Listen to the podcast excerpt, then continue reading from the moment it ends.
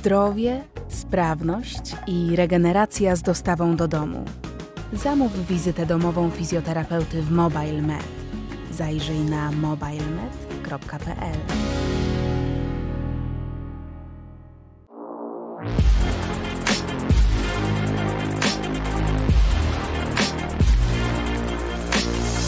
Partnerem audycji jest Exorigo Upos SA, dostawca rozwiązań Omnichannel dla retailu.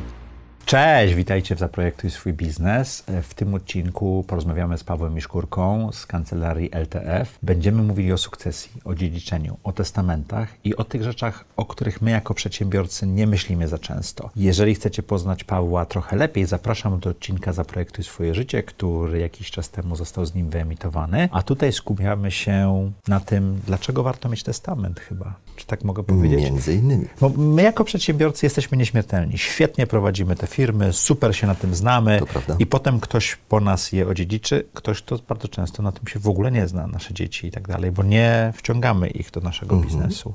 Co jest olbrzymim, według mnie, błędem w myśleniu. Tak? Ja mam kilkadziesiąt inwestycji, Mhm. te dokumenty wszystkie są, ale to potrzeba by roku, żeby zrozumieć, co ja mam, jeżeli ktoś w tym nie Mhm. siedzi. Co trzeba zrobić, żeby mądrze zaplanować sukcesję?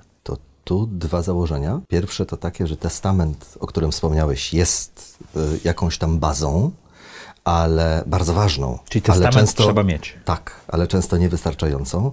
A druga to pytanie, czy faktycznie ktoś o mnie ten, po mnie ten biznes y, odziedziczy. Bo to też nie jest ewidentne, że zawsze dojdzie do, do, do dziedziczenia biznesu. Część firm po prostu nie ma szansy przetrwać śmierci swojego właściciela.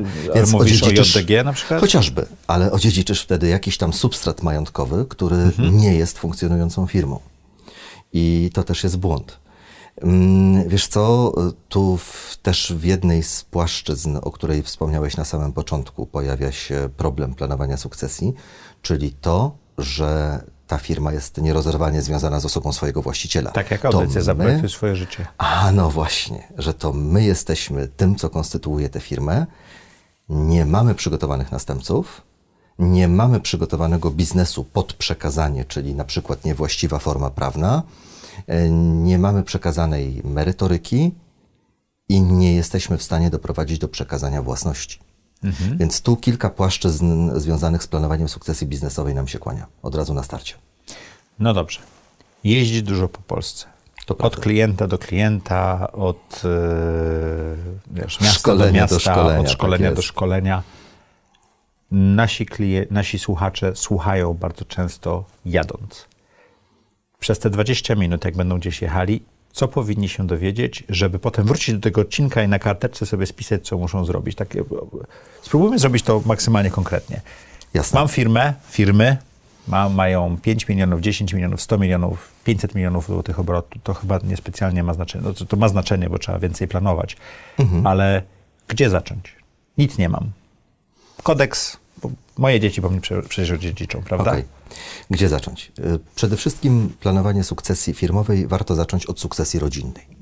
To nie ulega wątpliwości, czyli od twardego rachunku sumienia z jednej strony majątkowego, czyli zrobienia sobie listy tego, co mam, co jestem winien, jakie to są podmioty gospodarcze, rozpisać również formy prawne, poczytać sobie umowy spółek, jeżeli w grę wchodzą spółki, sprawdzić, czy tam w ogóle są jakiekolwiek regulacje związane z planowaniem sukcesji.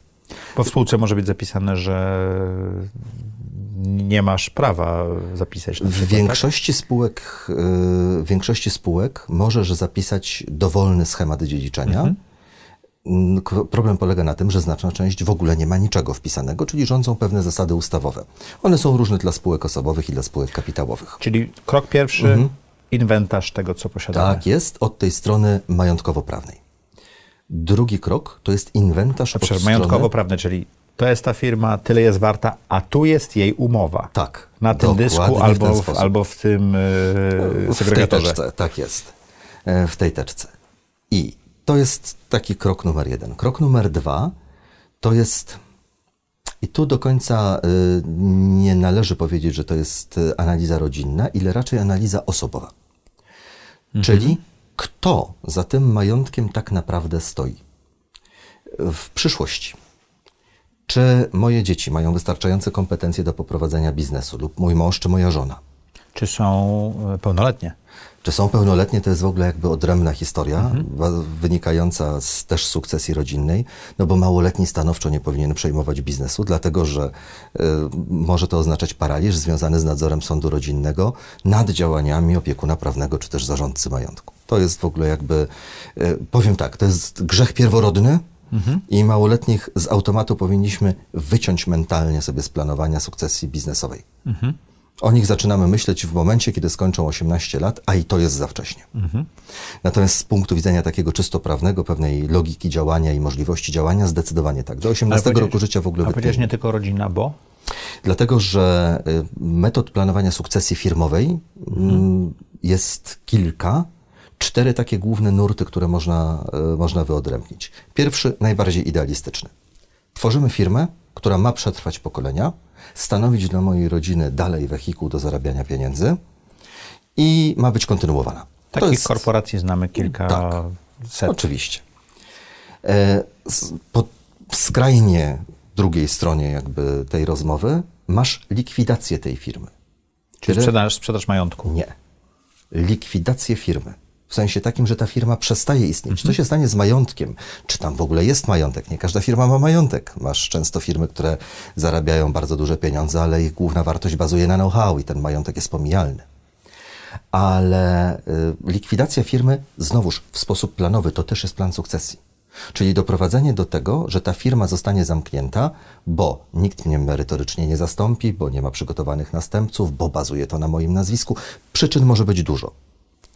I w tym momencie doprowadzenie do tego, że ta firma zostanie zlikwidowana tak, żeby wygenerować jak najmniejsze koszty tej likwidacji, jak najmniejsze straty y, ludzko-majątkowo wszelakie, to też jest plan sukcesji. Mhm. Po środku oczywiście można sobie wyobrazić y, jeszcze co najmniej dwa warianty, czyli skeszowanie się na tym biznesie w odpowiednim czasie. Czyli sprzedaż biznesu zanim dojdzie do sukcesji zanim dojdzie do sukcesji, bo mhm. majątek taki płynny łatwiej się dziedziczy, prawda? Typu Oczywiście, że tak. Akcje czy ubezpieczenia. I kiedy mam świadomość tego, że trudno jest o kompetencje w przekazaniu tego biznesu, że będzie trudno go przejąć komukolwiek, to lepiej go sprzedać. To lepiej zacząć planować sprzedaż. Tu się kryje jedna poważna pułapka. Trzeba wiedzieć kiedy. Po pierwsze, kiedy ze sceny zejść niepokonanym, mhm. cytując klasyka, a po drugie, y, że musi się znaleźć ktoś chętny, kto będzie chciał to kupić. I ten biznes musi być odpowiednio atrakcyjny. I musi mieć odpowiednią formę prawną, żeby był zbywalny. Mhm. Bo to też jest kolejna kwestia. No, mhm. Nie sprzedaż indywidualnej działalności gospodarczej. Mhm. To tak jakbyś nerkę sprzedawał. E, Powiedziałeś też ciekawą rzecz w audycji Projektu mhm. Swoje Życie, że można doprowadzić do sytuacji, w której dziedziczą członkowie zarządu spółki, którą... E, Czy też kluczowi pracownicy. Kluczowi pracownicy. Tak, I to jest ta czwarta metoda, przepraszam, że tak wpadam mhm. w słowo. To jest ta czwarta metoda doprowadzenia do sukcesji firmowej, czyli czy częściowo, czy całkowicie doprowadzenie do włączenia osób kompetentnych, przeze mnie wykształconych, które w pewnym zakresie, albo znowuż w całości, za spłatą odpowiednią na rzecz mojej rodziny, przejmą y, ten biznes lub prowadzenie tego biznesu. Czyli rodzina będzie finansowo zabezpieczona, a firma będzie dalej działała. Zgadza się jak najbardziej, tak. mhm. tak. Przy czym to też wymaga określonych działań, to też wymaga określonej formy prawnej mhm. żeby można było y, tego typu ruchy wykonać. Czyli najpierw zastanawiamy się, wracam mhm. do tego, tych punktów. Najpierw inwentaryzacja tego, co mamy, mhm. potem osoby, które e, chcemy włączyć, i tu były cztery różne punkty. Tak, i co możemy dalej? w to zaangażować. E, następnie połączenie tych I, dwóch rzeczy. Im bardziej skomplikowane, tym bardziej nam się przyda ktoś, kto na to spojrzy z zewnątrz i ma doświadczenie również. To zdecydowanie. To znaczy uważam, że sukcesji firmowej nie należy przeprowadzać samodzielnie, mhm. E, a i coś, co jest Chyba, dosyć że jest popularne. się prawnikiem, który się w tym specjalizuje. Tak, e, a i też to jest niestety bardzo popularne. To nie jest tak, że księgowy czy księgowa za mnie to zrobi. Nie. Pion księgowy nie do tego służy. Czemu Więc, księgowa miałoby zrobić sukcesję? A, nie pytaj mnie proszę o to, ale to jest często postrzeganie y, y, szefów firm, zwłaszcza starszej daty, że przecież księgowy służy do tego, żeby wszystkie te formalne rzeczy w firmie ogarnąć. A, te formalne rzeczy, o, już tak, rozumiem. Tak jest. Więc zdecydowanie sukcesję firmową należy y, przeprowadzać ze swoim prawnikiem. Mhm.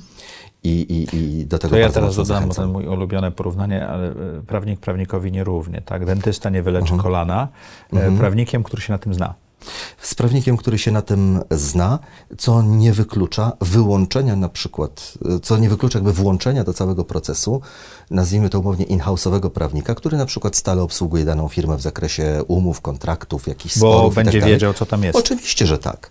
E, Bo to jest i tak połączenie kompetencji. I, księgowy również, bo też będzie wiedziała, co tam Ale jest. księgowy jest wręcz niezbędny przy tym, bo za, za, zaczyna się tak Mhm. naprawdę proces taki od analizy prawno-podatkowej. Czyli te osoby są Mhm. bardzo przydatne. Im, Im większa firma, tym bardziej nawet bym powiedział, Tak?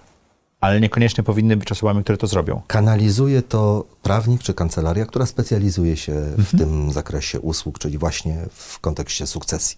Mhm. I kolejny krok, tak jak pytałeś, to jest połączenie tych dwóch rzeczy z wykorzystaniem oczywiście kompetencji osób, które gdzieś tam są w to zaangażowane, czyli doprowadzenie do odpowiedniej formy prawnej. Jeżeli, Jeżeli chcę jest- jeżeli jest przekazać-. Tak, jeżeli chcę przekazać biznes yy, i tworzyć biznes wielopokoleniowy, zatrudniam ludzi, osiągam już określony poziom obrotów, no to naprawdę nie jest pora na prowadzenie indywidualnej działalności gospodarczej. Czy spółki cywilnej, czy, Czy spółki cywilnej, która też jest kompletnie niestabilna jak czy najbardziej. jawnej, czy spółki komandytowo-akcyjnej, to, to wszystko... Od jawnej już możemy zaczynać rozmowę. Dla mnie takim dobrym warunkiem do rozpoczęcia rozmowy jest minimum trzyosobowa spółka jawna. Tam już można mówić o w miarę sensownej ale sukcesji. im mniej egzotyczna forma prawna, Tym łatwiej. tym łatwiej. Tym łatwiej, oczywiście, Mhm. że tak. Em, Natomiast e, wracając tutaj do przekazania, to jest taki mój mały apel, który kieruję do, do, do właścicieli firm, do przedsiębiorców, e, że indywidualna działalność gospodarcza, wbrew e, opinii, która była tworzona dookoła projektu ustawy i obecnie obowiązującej już od czterech lat, ustawy o zarządzie sukcesyjnym przedsiębiorstwa, nazwa skrócona, indywidualna działalność gospodarcza to nie jest materiał na wielopokoleniowy biznes. I jeżeli planujemy stworzenie takiego biznesu, zdecydowanie myślmy o przekształceniu, o zmianie formy prawnej. Ta ustawa zawiera w sobie całe mnóstwo trochę egzotycznych, dziwnych, nie do końca też dla mnie zrozumiałych rozwiązań, które wręcz wycinają pewne najsensowniejsze ruchy, które można by było podjąć tą ustawą, a nie zostało to zrobione. Pewnie nie czas i miejsce, żebyśmy się wgłębiali aż tak daleko w szczegóły.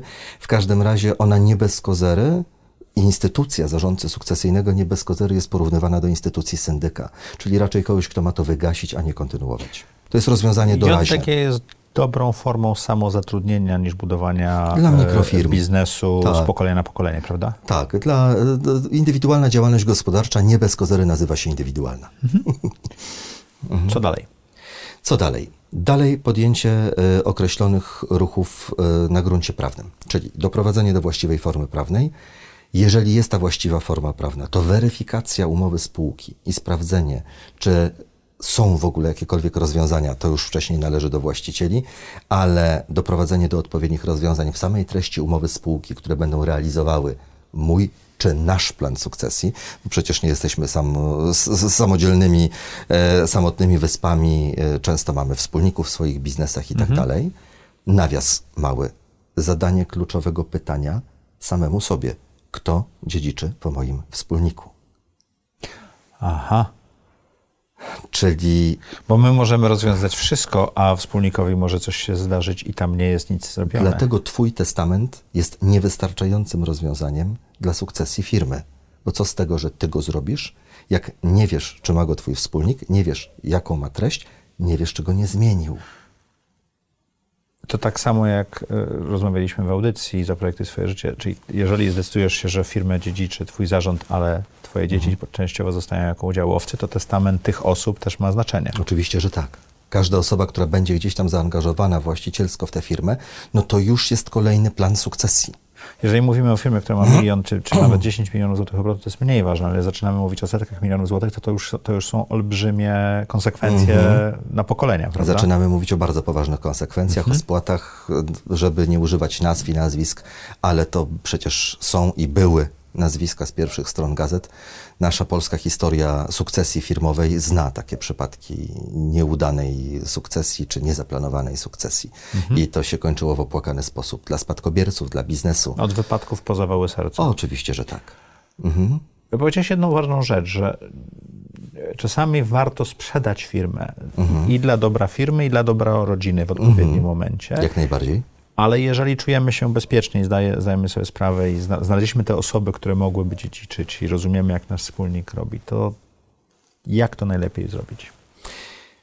Najbardziej idealne rozwiązanie no to, jest, to są oczywiście przygotowanie merytorycznie następcy po stronie każdego ze wspólników, ukierunkowanie własności tej firmy na tychże następców, zarówno poprzez testamenty, jak i poprzez odzwierciedlenie bezpośrednio w treści umowy spółki. W mhm. części podmiotów bez problemu możesz zrobić w ten sposób, że wpiszesz, że konkretnie po danym wspólniku dziedziczy osoba X. Mhm. Możesz też określić pewne kryteria, typu na przykład wyłączenie możliwości dziedziczenia, chociażby przez osoby małoletnie, czyli coś, co poruszyłeś na samym początku, czyli odcięcie osób, zarządzanie majątkiem, których mogłoby mieć negatywny wpływ na dalsze funkcjonowanie tej, tej firmy, mogłoby w, jakiś, w jakimś tam stopniu paraliżować funkcjonowanie tej firmy. Czyli to, mogą, to może być określenie w umowie spółki pewnych kryteriów y, pozytywnych, kto dziedziczy, albo pewnych kryteriów negatywnych, kto dziedziczyć nie powinien. Mhm. E, jeżeli, przykładowo, to jest też jedna z metod planowania sukcesji, podejmujemy decyzję, że po danym wspólniku nie będzie dziedziczenia, jesteśmy w stanie coś takiego zrobić. Czyli będzie umorzenie. Wyłączamy dziedziczenie poprzez chociażby przymusowe, włączenie przymusowego umorzenia jego udziałów. No to siłą rzeczy to nie jest tak, że jemu, jego spadkobiercom czy jej spadkobiercom nic się nie należy. Należy im się wypłata ekwiwalentu o równowartości tych udziałów. Mhm.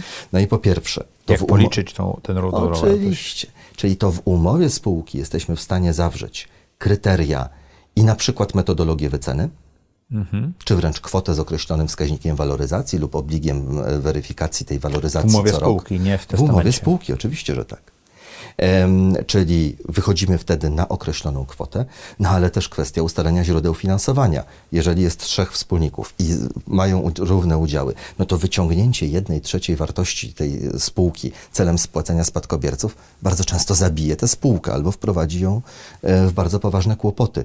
Czyli też organizowanie źródeł finansowania, no z tego na przykład wynika nasza bardzo ścisła współpraca z podmiotami z rynku finansowego, gdzie są określone narzędzia, na przykład o charakterze ubezpieczeniowym, o czym sobie rozmawialiśmy przy poprzednim nagraniu, e, które to narzędzia mogą posłużyć do wygenerowania środków na takie spłaty. Wtedy spółka jest ubezpieczona. Ubezpieczona to jest głowa wspólnika. Pytanie, kto ma być uposażonym, i okay. zdecydowanie w takiej sytuacji wolę, żeby to byli wspólnicy z określonymi obowiązkami wprowadzenia tych środków do spółki. Mhm. Jeżeli uposażysz spółkę, to dla spółki to będzie przychód, więc. Rozumiem. Mhm. E, nawias. Jeżeli e, przychodzi przedsiębiorcy, który chce przeprowadzić plan sukcesji. Przychodzi do głowy i w ramach analizy gdzieś tam wewnętrznej e, do realnych działań perspektywa zmiany formy prawnej biznesu.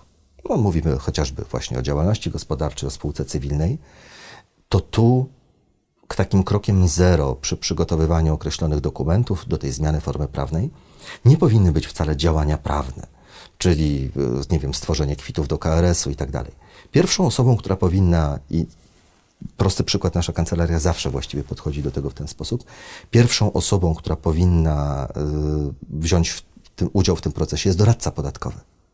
Czyli przeprowadzenie mhm. analizy prawno-podatkowej obecnego biznesu z obecnymi umowami, amortyzacjami, kredytami, dotacjami itd. Tak przeprowadzenie analizy i rozminowanie terenu czyli sprawdzenie, jakie konsekwencje wywoła przejście do określonej formy prawnej, jaka będzie efektywność ekonomiczna wyboru formy prawnej i dopiero na podstawie takiej analityki podjęcie decyzji, którą ścieżką zmiany tejże formy idziemy i do jakiej formy dążymy.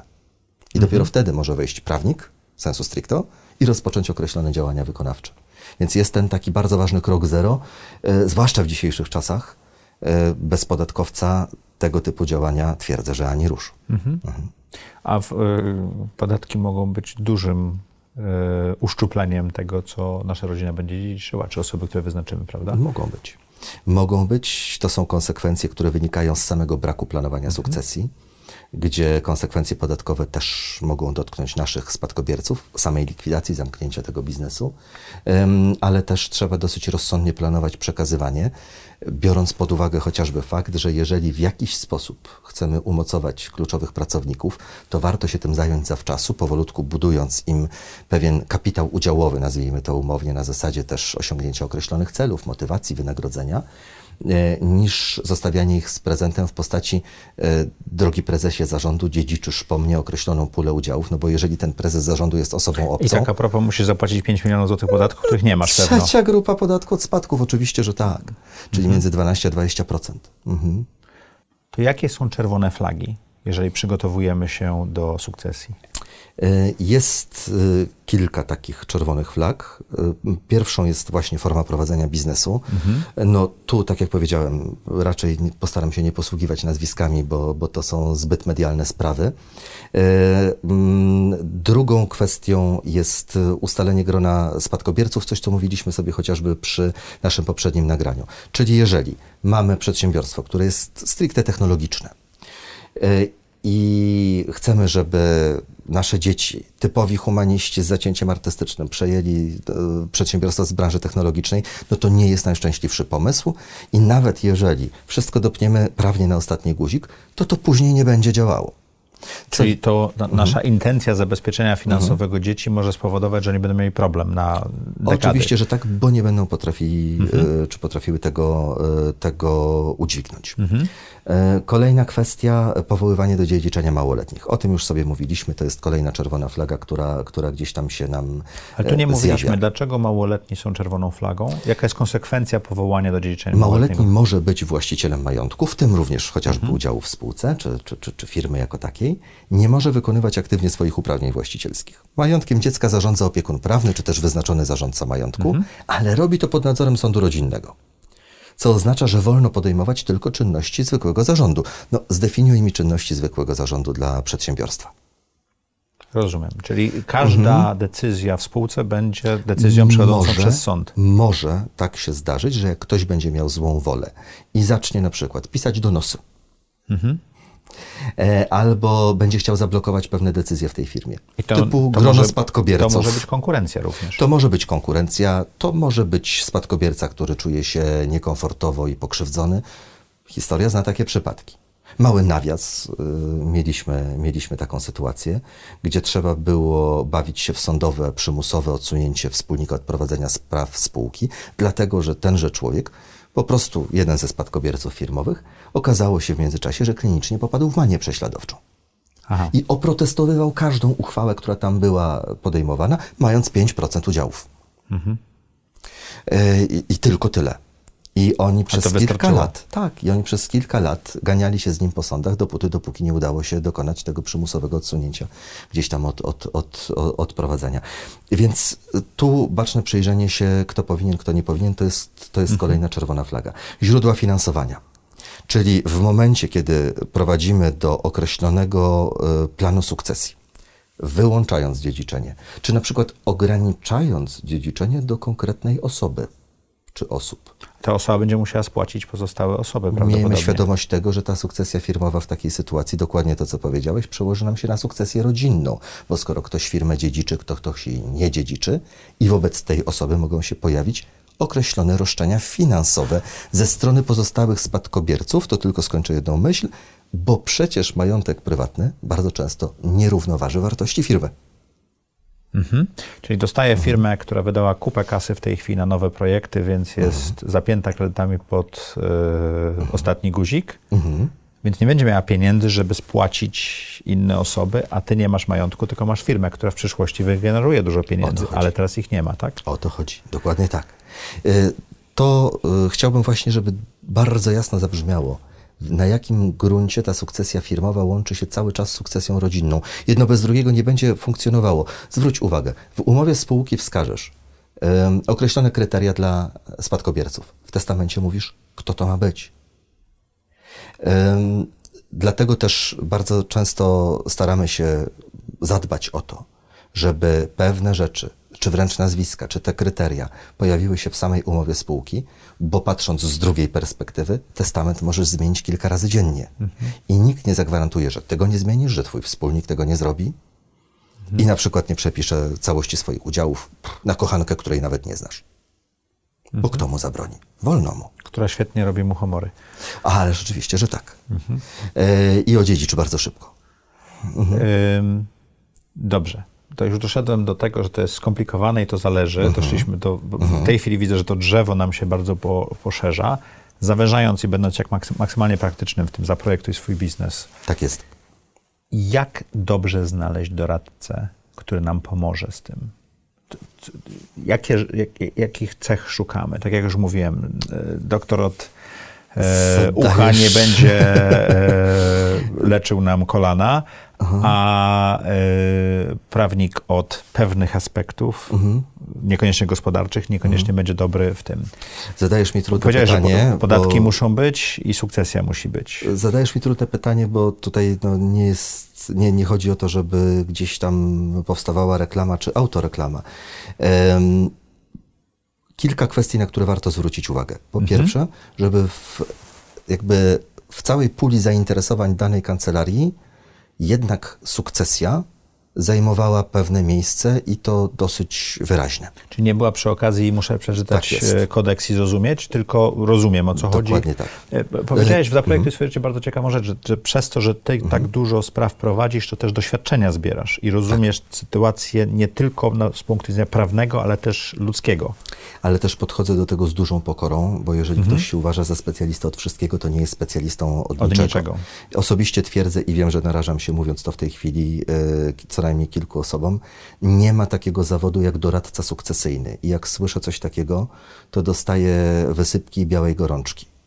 E, nie ma takiego zawodu, nie istnieje taki zawód. Mhm. Są doradcy prawni, są doradcy finansowi, są doradcy podatkowi, są doradcy biznesowi. I szczerze mówiąc, potrzeba połączenia kompetencji tego wszystkiego. I tego, żeby każdy za swoją działkę wziął odpowiedzialność. Jaką odpowiedzialność za swoje doradztwo i za swoje działania bierze doradca sukcesyjny? Więc pamiętajmy proszę o tym. I to jest kolejna uwaga, którą y, mam do Twojego pytania, jak, w jaki sposób dokonać wyboru. Zwróćmy uwagę na możliwość zaangażowania interdyscyplinarnego danego podmiotu. Czyli po Czyli pierwsze. I podatki, i biznes. Umiejętność przyznania się do tego, że osoba, z którą rozmawiamy, nie zna się na wszystkim. I wtedy trzeba zatrudnić jeszcze jedną osobę? Albo zatrudnić, albo wymagać od takiej osoby, żeby zapewniła dostęp do takich specjalistów. To, to samo, tak? Oczywiście, że tak. Czasem, i to też jest praktyka naszej kancelarii, zdarzyło nam się już, i to nie raz, nie dwa, gdzie do naszego zespołu stricte prawnego, zajmującego się bardzo konkretnymi rzeczami, tu podatki, tu prawo, tu jakieś e, inne działania, czy gospodarcze, czy cywilistyczne, musieliśmy dobierać coacha czy psychologa biznesu, który wchodził do tej firmy, żeby przemodelować sposób myślenia właścicieli. doprowadzał do przekazania władzy w tej firmie, do możliwości wycofania się na tylne siedzenie do rady nadzorczej na przykład. A to, to było psychologiczne, to nie było biznesowe? Oczywiście, że tak. Okay. I w tym momencie taka osoba, która przygotowywała też strukturę tej firmy do przekazania nie tylko własności, ale władzy. Metod mhm. zarządzania i tak dalej, i tak dalej. Robiliśmy też takie rzeczy, no ale żaden z nas nie jest od tego specjalistą. Musieliśmy do tego zaangażować osobę z zewnątrz. I też może być prawo międzynarodowe. Mamy jeden, czy dwa, czy trzy domy nad ciepłym morzem, tak? W różnych e, jurysdykcjach. Tutaj akurat najczęściej w grę wchodzą kwestie podatkowe i to one są mhm. najbardziej bolesne. Międzynarodowo. Międzynarodowo. E, czasami, zwłaszcza w odniesieniu do krajów anglosaskich, które lubią, żeby testament wówczas, kiedy nieruchomość jest na ich terenie, był na ich prawie, no to trzeba poprosić o pomoc prawną zewnętrzną, mhm. czyli żeby dokument dotyczący konkretnie majątku położonego w danym kraju powstał na kanwie prawa tamtego kraju. Czyli krótko Czyli mówiąc. można mieć kilka testamentów efektywnie. Co do zasady, teoretycznie wydaje się, że nie, ale przykładowo jest testament polski, który reguluje całość, i na przykład testament sporządzony w Australii, który dotyczy posiadłości w Australii. Mhm. Mhm. Więc tak istnieje też taka możliwość, żeby, żeby w ten sposób sporządzić dokument. Kiedy warto zacząć planować swoją sukcesję? Już. To jest najbardziej prawidłowa odpowiedź na to pytanie. Czyli nie jutro. A właściwie już to jest za późno najczęściej. E, więc odpowiedź powinna brzmieć wczoraj. E, nie przesadzajmy. Też podejdźmy do sprawy realistycznie. Jeżeli to jest mikroprzedsiębiorstwo bazujące wyłącznie na moim know-how, które ja rozwijam własnymi siłami i tak dalej, no to okej, okay, wystarczy zapewne skorzystanie z ustawy o zarządzie sukcesyjnym przedsiębiorstwa i nie potrzebujemy podejmować żadnych, nie wiem, bardzo skomplikowanych, kosztownych y, i czasochłonnych ruchów. Mhm. Ale w momencie, kiedy nasz biznes zaczyna się rozwijać, zaczynamy osiągać pewien poziom obrotów, zatrudniać ludzi, znowuż to, co mówiłem. Pewien poziom obrotów dotacje. to twoim zdaniem jest ile? No na pewno nie kilkaset tysięcy. Czyli nie mikroprzedsiębiorstwa takie sensu stricto, e, tylko jeżeli wchodzimy na pułap kilku milionów, mhm. no to już zdecydowanie to nie jest czas na prowadzenie tego w formie indywidualnej działalności mhm. gospodarczej. To już może się okazać, że przegapiliśmy ten moment, gdzie można było to zrobić szybciej i taniej. Mhm. Na pewnym etapie rozwiązaniem może być po prostu założenie nowego biznesu, mhm. e, bo nie zawsze kontynuacja ma wartość mhm. ale w znacznej części przypadków to będzie albo przekształcenie na bazie przepisów KSH, albo aport tej indywidualnej działalności gospodarczej do nowo powołanego przedsiębiorstwa. To zależy też od naszych potrzeb. To jest mhm. kwestia zawsze tej kontynuacji, sukcesji uniwersalnej. Parę, parę problemów do rozważenia tutaj jest. Więc moment, w którym wchodzimy na pewne obroty, zaczynamy zatrudniać ludzi. Zaczynamy zaciągać długoterminowe zobowiązania typu linie kredytowe, kredyty inwestycyjne, tego typu rzeczy nie daj Panie Boże, zaczynamy sięgać po dotacje z długim okresem trwałości projektu, mhm. no to na bogów, nie na indywidualnej działalności gospodarczej. Bo wtedy cały nasz mhm. majątek e, poza biznesem mhm. jest też. Gdybym miał odpowiedzieć z punktu widzenia sukcesji y, rodzinnej, mhm. moment, kiedy, nie wiem, stosunkowo młoda osoba y, zaczyna swój biznes, rodzina jeszcze nie zaistniała no to z całą pewnością momentem, w którym należy zacząć myśleć o sukcesji biznesu, jest ten moment, kiedy, nie wiem, rodzi nam się pierwsze dziecko. Mhm. I y, warto się zastanowić, w którym kierunku ma pójść ta firma i czy w ogóle ona ma y, szansę pójść dalej i stanowić dalej źródło utrzymania dla tej rodziny. A co w momencie, wielu przedsiębiorców inwestuje zarobione pieniądze, tak samo mhm. osoby pracujące na, na wysokich mhm. stanowiskach w nieruchomości czy w jakieś inne rzeczy. Mhm. To niby nie jest, y, często nie jest y, częścią majątku firmy, mhm. ale jest olbrzymią częścią majątku rodziny na przykład. Wracamy do hasła testament. Mhm. Czyli nie chcąc odbiegać i powtarzać pewnych rzeczy, które mhm. poruszyliśmy przy poprzednim tak nagraniu, inwentaryzacja i tak to dalej, tu tak zdecydowanie tak inwentaryzacja, testament y, i, i doprowadzenie do, do tego świadomego przekazania majątku, którym de facto jest sukcesja, w taki sposób, żeby nie generować w przyszłości konfliktów, paraliżu majątkowego, y, to jak najbardziej wtedy te dokumenty o charakterze, nazwijmy to umownie cywilistycznym, czyli właśnie testamenty. Y, nawias jeszcze z małym powrotem do, do Twojego pytania wcześniejszego dotyczącego poszczególnych kroków. Jeżeli gdzieś tam mielibyśmy podsumować, inwentaryzacja majątkowo-firmowo-prawna, mhm. inwentaryzacja osobowa, kompetencyjna w tym również, połączenie tych dwóch rzeczy, ewentualne w razie potrzeb analizy prawno-podatkowe, kroki wykonawcze prawne, czyli zmiana e, formy prawnej biznesu, ingerencje lub e, ingerencje w umowy spółek, doprowadzenie do sytuacji, gdzie sukcesja będzie przebiegała sprawnie na gruncie wszystkich osób, które są w to zaangażowane. Czyli jeżeli jest więcej niż jedna osoba zaangażowana w ten biznes, to na poziomie wszystkich wspólników. To są te kroki, gdybyśmy poszczególne elementy mieli, e, mieli wyciągnąć. Wiesz, tak anegdotycznie patrząc, ja miałem taką sytuację rozmawiałem ze spółką, to była spółka jawna, pięciu wspólników. Dosyć poważny biznes, panowie w wieku, no, takim emerytalnym lub krótko przed. I kiedy dojechałem na spotkanie, to e, od osoby, która organizowała to spotkanie, dowiedziałem się, wchodzisz na własne ryzyko, bo właśnie wynikł w tej firmie konflikt. Zostałem wpuszczony do salki konferencyjnej i zobaczyłem, że jest konflikt. Między siedziało, pięcioma osobami. Tak, siedziało czterech, dwa krzesła przerwy, siedział piąty. Czyli już mhm. domyślasz się, gdzie przebiegała linia konfliktu. No i okazało się, że zaistniał bardzo poważny spór właśnie odnośnie pomysłów na sukcesję.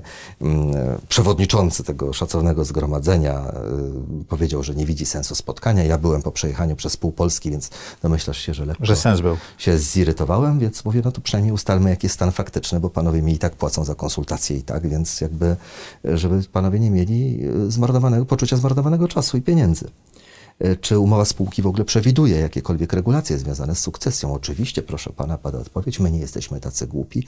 Lata temu wprowadziliśmy zasadę, że po śmierci każdego z nas do spółki wchodzą jego spadkobiercy. No, to okej, okay, zasada dla spółki osobowej akurat szczytna, bo zasadą jest niedziedziczenie, więc oni wprowadzili zasadę dziedziczenia w spółce osobowej. A ja pytam, kto z grona tych spadkobierców, z każdym z panów tutaj, bo to było pięciu dżentelmenów, pracuje w tej firmie? Na co widzę oburzone spojrzenia i słyszę odpowiedź, chyba pan żartuje. My lata temu podjęliśmy uchwałę, że nikt z grona naszych rodzin nie ma prawa pracować w tej firmie, bo to by tylko prowadziło do konfliktów. Dostrzegasz pewien dysonans. Ja zgłupiałem, patrzę na nich, bywam złośliwy, więc czekam aż samo do nich dotrze i widzę po twarzach, że zaczyna Dociera. docierać. Tak? Więc na dostrzał im zadałem pytanie, aha, czyli dziś wejście tych ludzi do firmy jest problemem, ale po śmierci jednego z was już nie będzie. Tak? Tylko dlatego, który odszedł.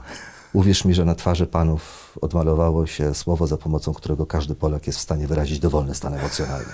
Jednemu się wyrwało na zewnątrz i dopiero wtedy za zaczęliśmy poważną dyskusję o sukcesji firmy. Czyli zdali sobie sprawę, że byli zbyt romantyczni. Niepraktycznie. Nie obrażałbym romantyków. Paweł, dziękuję Ci ślicznie.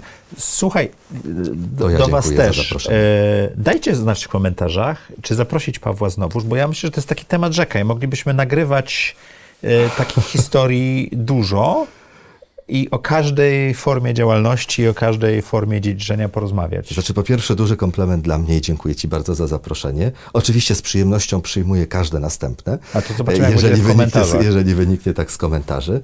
E, jeżeli nie, to zagrzebiesz gdzieś ten film pod stertą. Jeżeli nie, to ja się umówię na konsultację. Dobrze. E, natomiast e, tak, e, tak naprawdę, e, jeżeli byśmy się przyjrzeli poszczególnym formom prawnym, chociażby prowadzenia biznesu, oczywiście można to posegregować, ale mhm. wypadałoby się pochylić nad, nad poszczególnymi rozwiązaniami. Dziękuję Ci ślicznie za rozmowę. Dziękuję jeszcze raz za zaproszenie. Dziękuję Wam. A jeżeli nie widzieliście Zaprojektuj swoje życie z Pawłem, to zapraszam Was bardzo serdecznie. A co, co poniedziałek? Jakaś seria ekspercka specjalnie dla Was.